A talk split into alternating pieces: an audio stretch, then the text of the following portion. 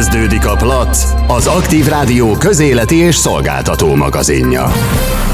Február 7-e van vasárnap este 7 óra múlt. A mai magazin műsorban beszélgetek egy mentálhigiénés szakemberrel, mert egyre égető probléma a bezártság és a szigorú korlátozás, ami az embereket sújtja ebben a pandémiás helyzetben. Aztán szó lesz arról, hogy a világjárvány nem segíti az örökbefogadás sem. A Kéza Mancsért Egyesület vezetője beszél majd erről. Aztán bemutatjuk a Fitmami oldalt, aminek a kitalálója különféle kihívásokkal motiválja a kismamákat és a hozzáforduló fogyni vágyókat majd szó lesz arról is, hogy indul ismét egy tanfolyam a most szülőkké váló pároknak.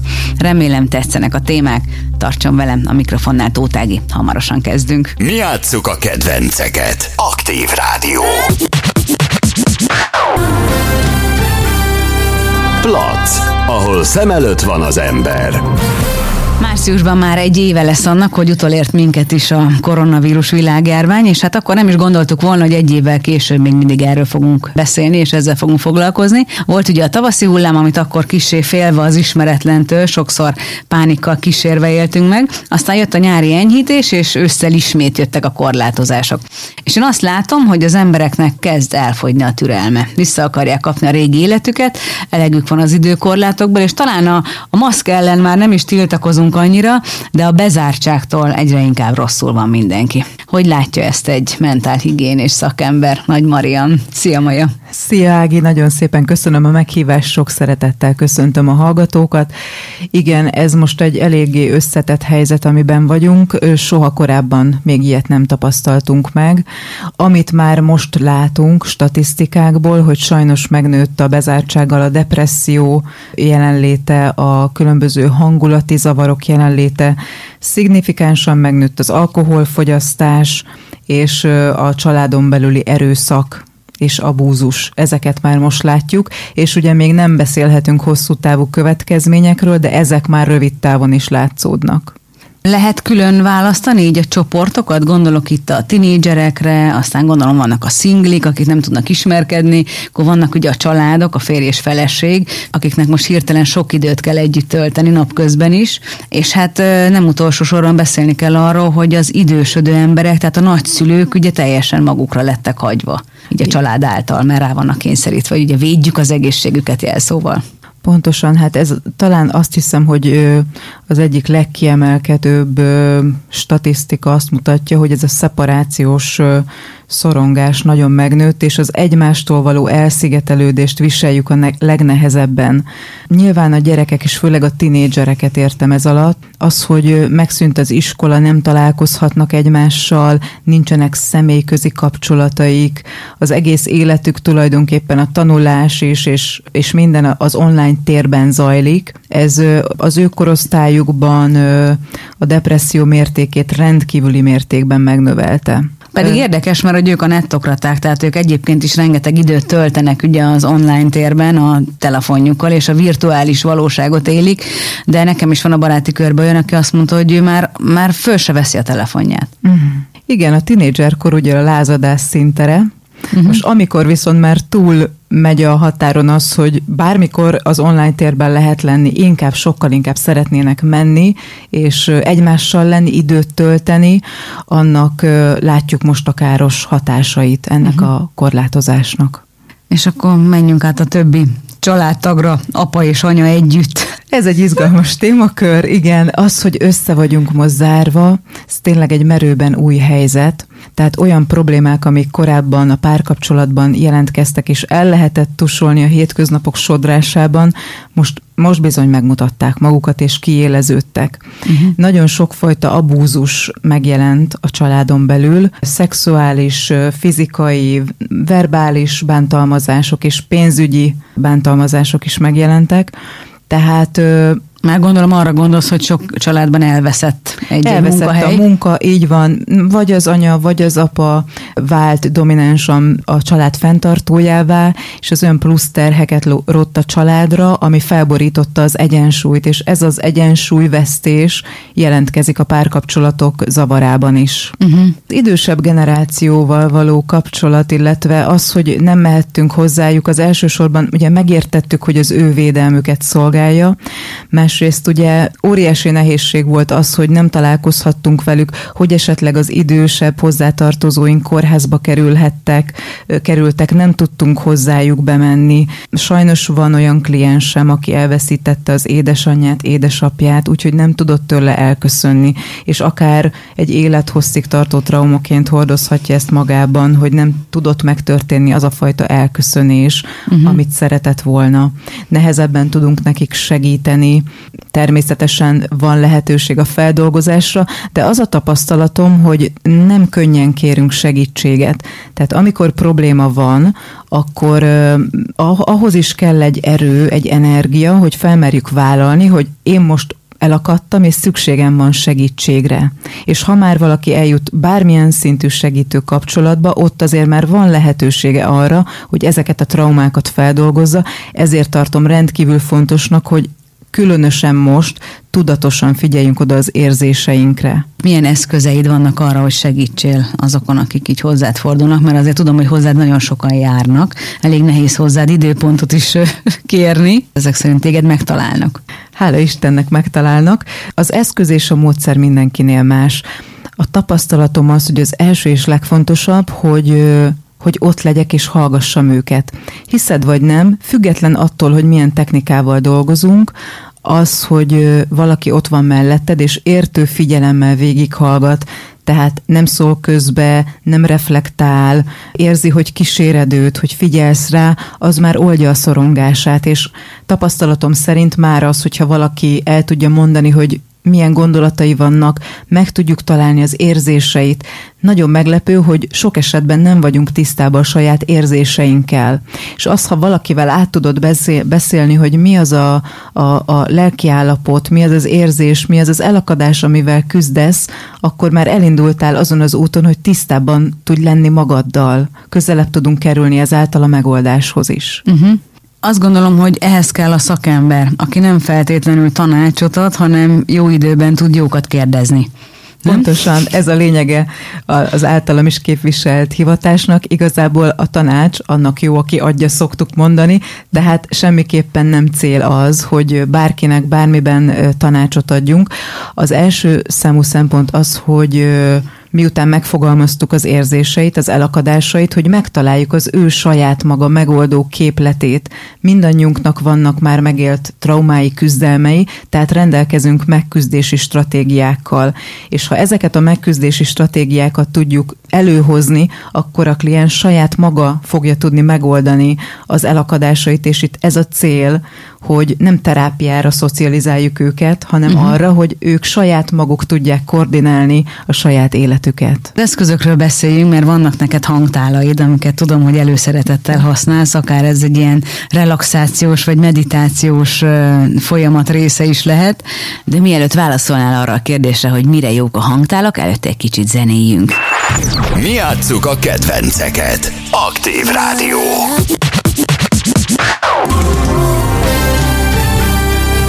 Plac, ahol szem előtt van az ember.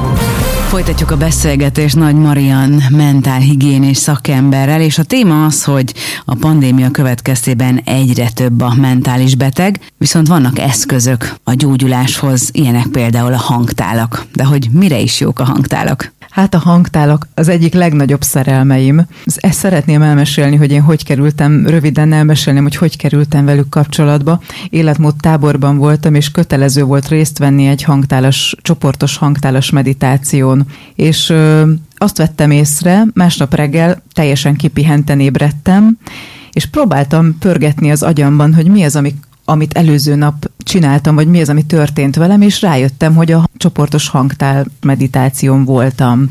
Felismertem, hogy a hangtálak ilyen módon stabilizálták az idegrendszeremet, nyugtatólag hatottak rám, és felkeltette az érdeklődésemet ez a saját élmény megtapasztalás, és utána jártam, hogy tulajdonképpen mik ezek a hangtálak. Uh-huh. És a hangtáról amit érdemes tudni, hogy én abban hiszek, hogy az emberlétünknek hármas természete van, test, szellem és lélek, és ezekre a szintekre nagyon jól hat a hangtál. Tulajdonképpen azért is jó, mert itt nem kell beszélgetni, hogyha befekszel egy hangtálas kezelésre, vagy egy csoportos hangtálas meditáción veszel részt, akkor Nem kell ott lenni a tudatoddal, elég, ha csak ott vagy a testeddel, relaxálsz, és a hangtálak azokkal a rezgésekkel, amikkel működnek, sejtszinten hatnak a szervezetedre, és rendezik a benned zajló folyamatokat. És az a nagyszerű, hogy a, az idegrendszerre például vannak depressziós és pánikbeteg klienseim, akik hangtálkezelésre járnak, óriási mm, segítség számukra is, hiszen uh-huh. nincs verbalitás, nem kell beszélgetni, átadják magukat, és a hangtálak teszik a dolgukat. Ami általánosságban elmondható, hogy teljesen stabilizálja a vérnyomást, a pulzust, az idegrendszer működését, tehát az öngyógyító folyamatok maguktól elindulnak, és elkezd, elkezdi a szervezet saját magát gyógyítani és regenerálni. Hihetetlen. Egyébként én voltam már ilyen hangfürdőn, és hát mindenkinek tudom ajánlani. És hát tudom, hogy van neked egy másik nagy szerelem. Lehet, hogy az az első nagy szerelem, ugye Sári. ő egy gyönyörűséges ló. Igen. Mert hogy te most lovasoktatónak készülsz, vagy lovasterapeuta is vagy, vagy ez hogy van ez? Nem, nem vagyok lovasterapeuta, lovas oktatónak készülök jelenleg, igen. Hét éve kerültek a lovak a látó mezőmbe. A Sári az két éve van velem, és ő egy Hát a lovak egy, egy olyan szerelmeim, amilyen szerelem első látásra volt, mint a hangtál körülbelül, tehát én ezekről az eszközeimről csak így tudok beszélni, és most gondolom át, hogy mennyi szerelmem is van.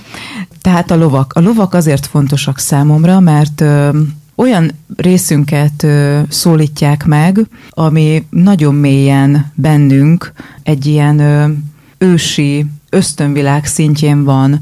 Tehát amikor én egy lóval kapcsolódok, teljesen mindegy, hogy én csak pucolom azt a lovat, vagy ráülök, vagy csak vezetem, akkor egész egyszerűen nem tudok másra fókuszálni, csak arra, hogy azzal a másik lényel, aki ott van velem, kapcsolatba legyek. Uh-huh. Hiszen a ló már csak a súly töbleténél, az erő töbleténél fogva is tekintélyt parancsol, tehát kénytelen vagyok ráfigyelni. Uh-huh. Ló közelben az a nagyszerű, hogy ott nem tudsz másra gondolni probléma megoldó képességedre is szükséged van, a kreativitásodra is szükséged van, ahhoz, hogy a ló mellett tudj létezni, teljesen meg kell magadról feledkezni abban az időben ahhoz, hogy valaki lovakkal tudjon dolgozni, már nem a terapeutára gondolok, hanem ha valaki azt mondja, hogy akkor ő lovas terápián szeretne részt venni, akkor annak elengedhetetlen az, hogy ne féljen a lótól. Vagy lehet esetleg ezt a félelmet is kezelni azzal, hogy igenis fel kell üljek a ló hátára? A lóasszisztált munkafolyamatokban nem baj, hogyha ne, ha nem félünk a lótól, de az sem. Mert ugye az állat megérzi, nem, hogyha félnek tőle? Hogy, hogy ne, a ló kifejezetten, ő egy préda uh-huh. állat, uh-huh. minden egyes érzésünkre azonnali tükörként reagál. Uh-huh. Megérzi, hogyha közelítesz felé, hogy milyen a, az idegállapotod, mennyire vagy nyugodt, uh-huh. mennyire vagy magabiztos, mennyire bízol benne, és ő azonnal tükröt fog mutatni nem elvárás, hogy ne félj, ha félni akarsz, vagy ha félsz a lótól, akkor azt is meg lehet élni. A terápiás lovak külön felkészítésben vesznek részt, külön képzik a terápiás lovakat. Az én közelemben nincs például terápiás ló, uh-huh. de valamilyen szempontból meg minden ló terápiás jellegű, hiszen ha mellette uh-huh. állsz, akkor óhatatlanul önismeretet fogsz tanulni. Viszont ha félsz, akkor a ló segíthet ennek a félelemnek a leküzdésében, hiszen ott egy szakképzett terapeutával, egy szakképzett lóval megtalálhatjátok azokat a forrásokat, amik indukálják benned ezeket a félelmeket és uh-huh. esetlegesen át is írhatjátok, át is tudjátok dolgozni. Az a jó, hogy amit te megdolgozol a lóval való kapcsolatodban, az az életed többi más területén is jelentkezni fog ezért jók az állatasszisztált, és nem csak a, a ló, hanem ugye halljuk Vannak egyre kutyák. többet, a mhm. kutyákat is viszik be kórházakba, uh-huh. és igen, iskolákba, szép, iskolákba, szociális ellátóhelyiségekbe, tehát egész szép eredmények vannak az állatasszisztált munkafolyamatoknál. Marian, köszönöm szépen, hogy bejöttél és beszélgethetünk erről a sajnos egyre súlyosbodó problémáról, és bízunk benne, hogy sok embernek tudsz majd segíteni. Én nagyon jó szívvel ajánlom Mariant, használják ki az eszközeit. Aktív Rádió. Plac. A téma az utcán hever. A Kéz a Mancsért Egyesület vezetője Borbély Brigitta kért tőlünk egy kis segítséget, hiszen rengeteg örökbefogadóra váró kutyus és macska van náluk. De sajnos most a pandémia nem teszi lehetővé, hogy örökbefogadó napokat tartsanak. Kézemancsit Egyesület mindenki tudja telephely nélkül működik, idéglenes befogadóknál, illetve fanziókban helyezzük el az állatainkat. Jelen pillanatban 24 kutyusról és 10 cicáról gondoskodunk. Igazából a paletta elég széles, cicák közül van kettő kölyök, aki vak, egy jelen pillanatban is kórházban lőtt sérüléssel, szintén vannak, akik orvosi kezelésre szolgulnak, például tájogos anyaka, sérült a lába, kutyák közül is jelen pillanatban van, aki a klinikán gyógyul, illetve van, aki már túlesett a műtéten és idéglenesnél lábadozik. Nagyon sok egy év alatti kutyusunk van, fiatalok, ők számszerűen tizen vannak jelen pillanatban. A legnagyobb probléma ebben a rossz gazdaság, illetve rossz helyzetben, hogy az örökbefogadások száma nagyon megcsappant. Nálunk, hogyha egy kutyust valaki örökbe fogad, akkor egyből két életet ment meg, hiszen megmenti azt, amit örökbe fogadott, és ad egy esélyt egy újnak, aki ennek az örökbefogadott kutyusnak a helyére költözhet be. Vannak nálunk bull típusú kutyusok is, őket ugye sokkal nehezebb örökbe adni. Csoki már több mint egy éve van nálunk, Lili több mint két és fél éve, Árcsi szintén több mint másfél éve élvezi az Egyesület gondoskodását. Rájuk szinte Hát, hogyha azt mondom, hogy összesen egy darab jelentkező volt ennyi idő alatt, akkor lehet, hogy sokat is mondok. Vannak kicsit problémásabb kutyáink, például Áfonya, ő egy sztrókos kutyus volt, ő is két és fél éve él az Egyesület gondozása alatt, rá sem volt még például egy jelentkező sem. Nagyon sok kölyök került be 2020. októberétől kezdődően, és azok a kölykök is folyamatosan nőnek, mert egyszerűen alig lehet találni olyan megfelelő családot nekik, akik tényleg vállalják a felelősséget, és tudják, hogy mivel jár egy kutyatartás, és hogy hány évre szól. Idősebb kutyusaink is vannak, akik szintén nem kelendőek, rájuk sincsen semmi érdeklődő, pedig igazából annyira jó helyen lennének egy idősebb néninél, bácsinál, egy házaspárnál, Rézi, Max, abszolút teljesen jó kutyus lehetne egy ilyen családba, de, de rájuk sem sajnos. A legrégebben az Egyesület gondozásában Gina van, őre szintén egy darab jelentkező volt a négy év alatt, és neki ez nem tényleg semmi problémája, mert egy, egy végtelen hálás, aktív, energikus, puszis, bújós kutya, és, és ennek ellenére mégsem. Bobby például Kira, őket visszaadták, nincs idejük rá, elvesztették a munkahelyüket, visszavettük őket. Királynak ugye ő hátrányosabb helyzetből indul, ő egyen fekete és staff jellegű kutyus. Ugye ezeknek a kutyáknak nem itt kellene élni, hanem családban. Igazából itt sincs rossz sorsunk, nyilván nem kenelben vannak, hanem családoknál, kiki lakásba, kibejárós vagy udvari kutyus, de sokkal-sokkal jobb lenne nekik például egy családban élni, ahol tényleg megtapasztalhatnák már végre, hogy milyen egy saját család. Nagyon szeretnénk, hogyha ez a lefelé menő tendencia végre elérni azt az optimális szintet, hogy tudjunk tényleg működni, hiszen a bejelentések száma az folyamatosan nő, folyamatosan kapjuk a bejelentéseket. Legutóbb is öcsödről három kutyust hoztunk ki igazi horror körülmények közül, de a mi kapacitásunk is véges sajnos. Tehát, hogyha nem tudunk örökbe adni, a helyeink elfogytak, muszáj nemet mondanunk, és nem szeretünk nemet mondani, ezért úgy szeretnénk tényleg, hogyha több megosztás lenne a kutyusainknak, érdeklődők lennének, bárki, aki kutyus szeretne örökbe fogadni, nyugodtan keressen bennünket, akár e-mailben, akár SMS-ben, akár Facebookos oldalunkon. A telefont azért nem mondom, mert ugye mi ezt nem főállásban csináljuk, hanem mindenki dolgozik mellette, és a privát munkahelyen nem biztos, hogy fel tudjuk venni a telefont, hogyha hívnak, viszont az üzenetekkel tudunk válaszolni. És akkor, ha jól értem, akkor a Facebookon például kutyákról vannak képek is, ugye? Tehát meg tudják nézni azok, akik Igen. örökbefogadáson gondolkoznak. Egyébként mi az elvárás a felelős kutyatartóval szemben? felelős kutyatartó nálunk ott kezdődik, hogy megfelelően gondoskodik a kutyáról. A kutyusokat hivartalan módon adjuk ki. Nyilván ugye ez kölyök esetében hivatalanítási kötelezettséget von maga után. Kötünk egy szerződést, ebben a fél garantál egy harmadik helyre a kutya nem továbbadható, ha nem tud róla gondoskodni, akkor értesíti az Egyesületet. Időszakonként be kell jelentkezni a kutyusokkal, fényképet kérünk róluk, élménybeszámolót esetleg. Ennek is van egy külön album odafönt, ez a gazdik küldték, és akkor ott láthatóak a már örökbe adott kutyusoknak a fényképei. Mi tényleg csak annyit kérünk, hogy felelősen döntsék el, és a kutya az nem egy-két évre, meg hónapra szól, hanem élet végéig. Bégi, remélem, hogy tudunk segíteni. Köszönöm szépen, hogy elmondtad. Köszönöm nektek, köszönöm szépen. Szia, szia! Mi játsszuk a kedvenceket. Aktív Rádió.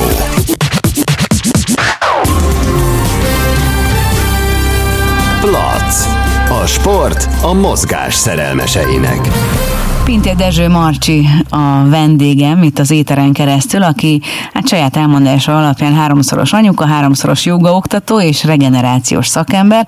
Ez a gyengébe kedvére azt jelenti, hogy szülés utáni regenerációval is foglalkozol, és hát azt is olvasom a Facebook oldaladon, hogy több mint öt éve foglalkozol kismamákkal, babákkal és anyukákkal. Különféle tréningeket, workshopokat tartasz, és most itt a pandémia idején nyilván ez eléggé korlátozott, hiszen a személyes találkozás nem lehetséges, viszont ahogy sokan mások is, edzők és jogaoktatók, te is indítottál egy videócsatornát, így a Facebook oldaladon keresztül, sőt mindenféle kihívásokkal is bombázod a hozzád fordulókat. Beszéljünk egy kicsit erről. Igen, sziasztok, köszöntöm a nézőket is, vagy a hallgatókat, bocsánat. Én uh, alapvetően uh, már öt éve ezzel foglalkozom. Az első lányomnál kezdődött az, hogy elkezdtem odafigyelni ugye a tudatos mozgásra várandósan, és utána meg a regeneráció miatt kellett odafigyelnem, ezért folyamatosan tanfolyamokra jártam, és ezzel kapcsolatban végeztem el az oktatói képzéseket, és annyira megszerettem ezt a területet, hogy teljesen kiépítettem már egy edzés tervet az anyukáknak. Ezek különböző szintűek, könnyített, nehezített feladatokkal. Mindenki meg tudja találni a számára megfelelő mozgást, és kismamák, szülés utáni anyukáknak készült leginkább ez a program, és nem csak regenerálódunk, de karcsúsodunk, fogyunk is együtt, úgyhogy ezért kihívjuk kihívásokat is szoktam nekik csinálni. Nagyobb nyereményt szoktam ilyenkor felajánlani, kapnak havi bérletet, vagy most a tavaszra csinos leszek kihívás az, hogy a három havi bérletet fogják visszakapni, aki a legnagyobb változást éri el kilóban és centiben, tehát nem csak az egészségükért tesznek, de külsőben is nagyon szép változásokat lehet elérni ezekkel a gyakorlatokkal. Beszéljünk arról egy kicsit, hogy miért nagyon fontos a szülés utáni regeneráció. És gondolom itt nem csak arról van szó, hogy aki mondjuk császárral szült, hanem akár egy természetes úton történő szülés is megviseli a női testet és szervezetet, tehát egy kicsit oda kell jobban ráfigyelni szülés után. Így van. Alapvetően mindenkinél kialakul a szétnyílt hasizom állapota. Várandósan már a 35. hét fölött mindenkinek szétnyílik, a két egyenes hasizom eltávolodik egymástól, a köldöknél fogva. Ilyenkor a hason található kötőszövetünk a linealba elkezd nyúlni, és egy idő után nem tudja a rugalmasságát megőrizni, megtartani, és szétnyílt állapotban marad a hasfal szülés után, akár hónapokkal, évek évekkel is. Ezt sokan nem is tudják, nem is vizsgálják, és egyébként nem is szoktak ezzel foglalkozni a nőgyógyászok sem, tehát erre nem hívják fel a figyelmet, viszont ha nem foglalkoznak vele, akkor fájdalmakhoz tud kialakulni, hátfájás, derékfájás, gyenge gátizom, stresszinkontinencia kialakul, tehát alapvetően fájdalomként, illetve helytelen testtartásként jelentkezik ez az állapot, és nagyon fontos, hogy erre odafigyeljünk és regeneráljuk, csináljuk, és aki már szült, azoknak egy életen át oda kell figyelni arra, hogy milyen edzéseket lehet végezni, mik a tiltott gyakorlatok, mi az, amit semmiképpen nem végzünk, mert olyan erős a hasűri nyomás, amit már nem tud tartani a hasfalunk. Én ezeket tanítom, hogyha vissza is térnek a funkcionális edzésekhez az anyukák, akkor biztonságosan tegyék, és csak olyan gyakorlatokat végezzenek, ami ajánlott, és ami segíti a testünk fejlődését. És olvasom, hogy a program része a medencefenék torna, vagy akár szervsüllyedések esetén is tud segíteni. Ezt egyébként Igen. hogy veszik észre a nők? Hál' Istennek nagyon nagy változásokat érnek el, akik rendszeresen velem tornáznak, ők érzik azt, hogy igen, jobban tartja magát, tehát maga a testtartása is megváltozik, maga a fájdalmak elmúlnak, akinek volt hát és derékfájása. Ugye a medence fenék is egy tartóizom, ami a törzsizmunk tartásáért felelős, és az elgyengül, ezt ugye nagyon könnyen észre lehet venni a stresszinkontinenciát, akaratlan vigeletvesztés, nagyobb hasűri nyomás hatására, tüsszentéskor, köhögéskor, lépcsőzéskor, felemelésektől, amikor a gyereket is felemeljük, ezek elő tudnak fordulni.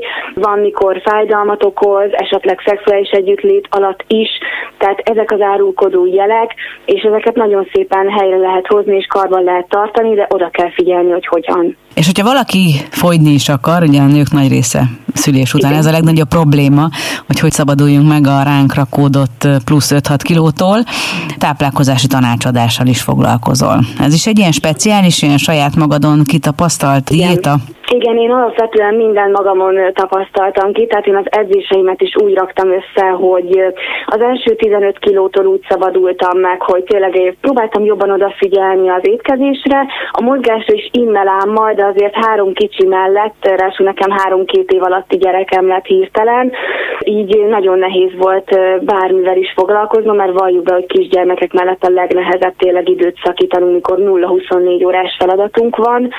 Nagyon nehéz időt szakítani, de a második 15 kilót úgy adtam le, úgy fogytam le, hogy az anyukáimmal együtt a szemük láttára, ahogy kialakítottam az edzés típusaimat, odafigyelve arra, hogy mik a tiltott gyakorlatok, miket lehet, mit nem lehet, fitness edző is vagyok, így onnan is a tanultakat behoztam az órákra, de a regenerációs gyakorlatok mindig megvannak, és a táplálkozással is több tréningen vettem már részt, illetve szakemberek véleményét is kértem már ki, és ezeket, amiket én átéltem, tapasztaltam, azokat mindig megosztom az anyukákkal, és ezt az én havi bérleteseimnek, illetve a mostani kihívásba szereplőknek is ajándékba adom mellé egy kis segítséget, hogy hogyan tudnak észszerűen és egészségesen táplálkozni a mozgás mellett. És azt tudom, hogy te tartasz ilyen magánórákat is, nyilván Igen. majd eznek akkor lesz szerepe, hogyha esetleg, és bízunk benne, minél hamarabb vége lesz már ennek a korlátozásoknak, és lehet személyesen is találkozni, lehet csoportosulni, akár el lehet menni edzésekre is, konditermekbe, vagy klubokba, vagy személyi edzőhöz, hogy te a gyerekeknek is szoktál tartani, ugye jogát? Mennyire lehet egy gyereket rávenni, főleg egy kisgyereket, mert olvasom, hogy akár bölcsödéskortól, hogy lehet rávenni, hogy jogázzon? Abszolút játékosan, tehát állatutánzások vannak, állatutánzó hangokkal és mozgásokkal. Amikor már picit dekoncentráltak, nem figyelnek, akkor egyből bejön egy játék, bármilyen labdajáték, mesélek nekik, egy történet van mindig, a gyerekjogába és a gyerekerobikba is mindig mesét fűzök a mozgás mellé, és így nagyon kis lelkesen figyelik és követik és csinálják a gyakorlatokat. Az én saját gyermekeim is jöttek velem mindig az órá iskolákra, nagyon szerették, és nagyon hiányzik már nekünk ez a kis közösség is. Hát nagyon szépen köszönöm, elég sokrétű az, amit te csinálsz, a te kis munkásságod, és akkor mondjuk el, hogy ugye a Fit Mami szólnak, ugye ez a Facebook oldaladnak a neve, ha jól tudom. Így van a Fit Mami szólnok, ez az én speciális vonalam, létezik több program, amit már elvégeztem, létezik a Fit Mami, ami a regenerációs program, én meg a Fit Mami szolnokot képviselem, a szolnoki Fit Mami csapatát, szerencsére elég sokan vagyunk, és várjuk szeretettel az új csatlakozókat is. Köszönöm szépen! Aktív Rádió. Mi játsszuk a kedvenceket.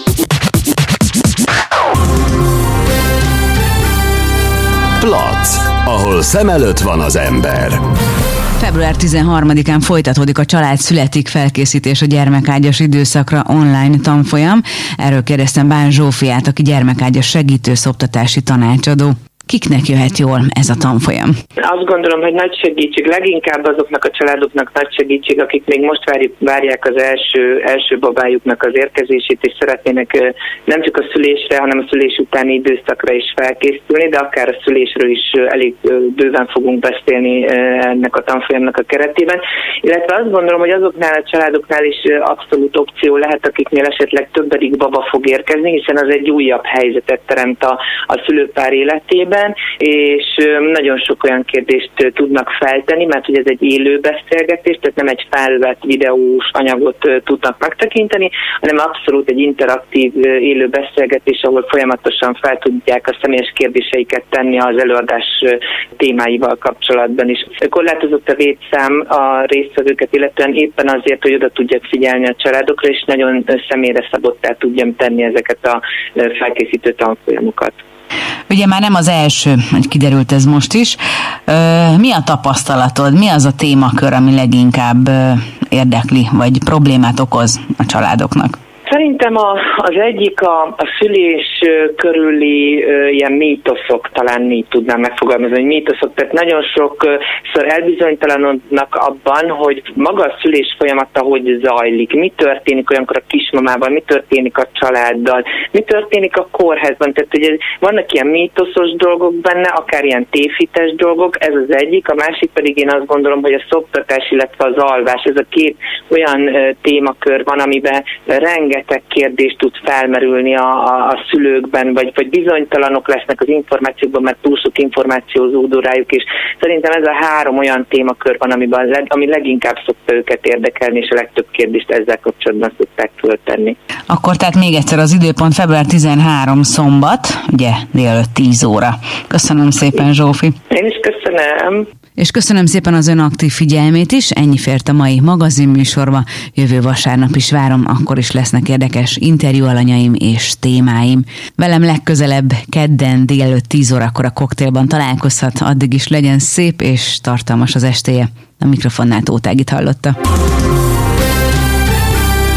Ez volt a Plac, az Aktív Rádió közéleti és szolgáltató magazinja.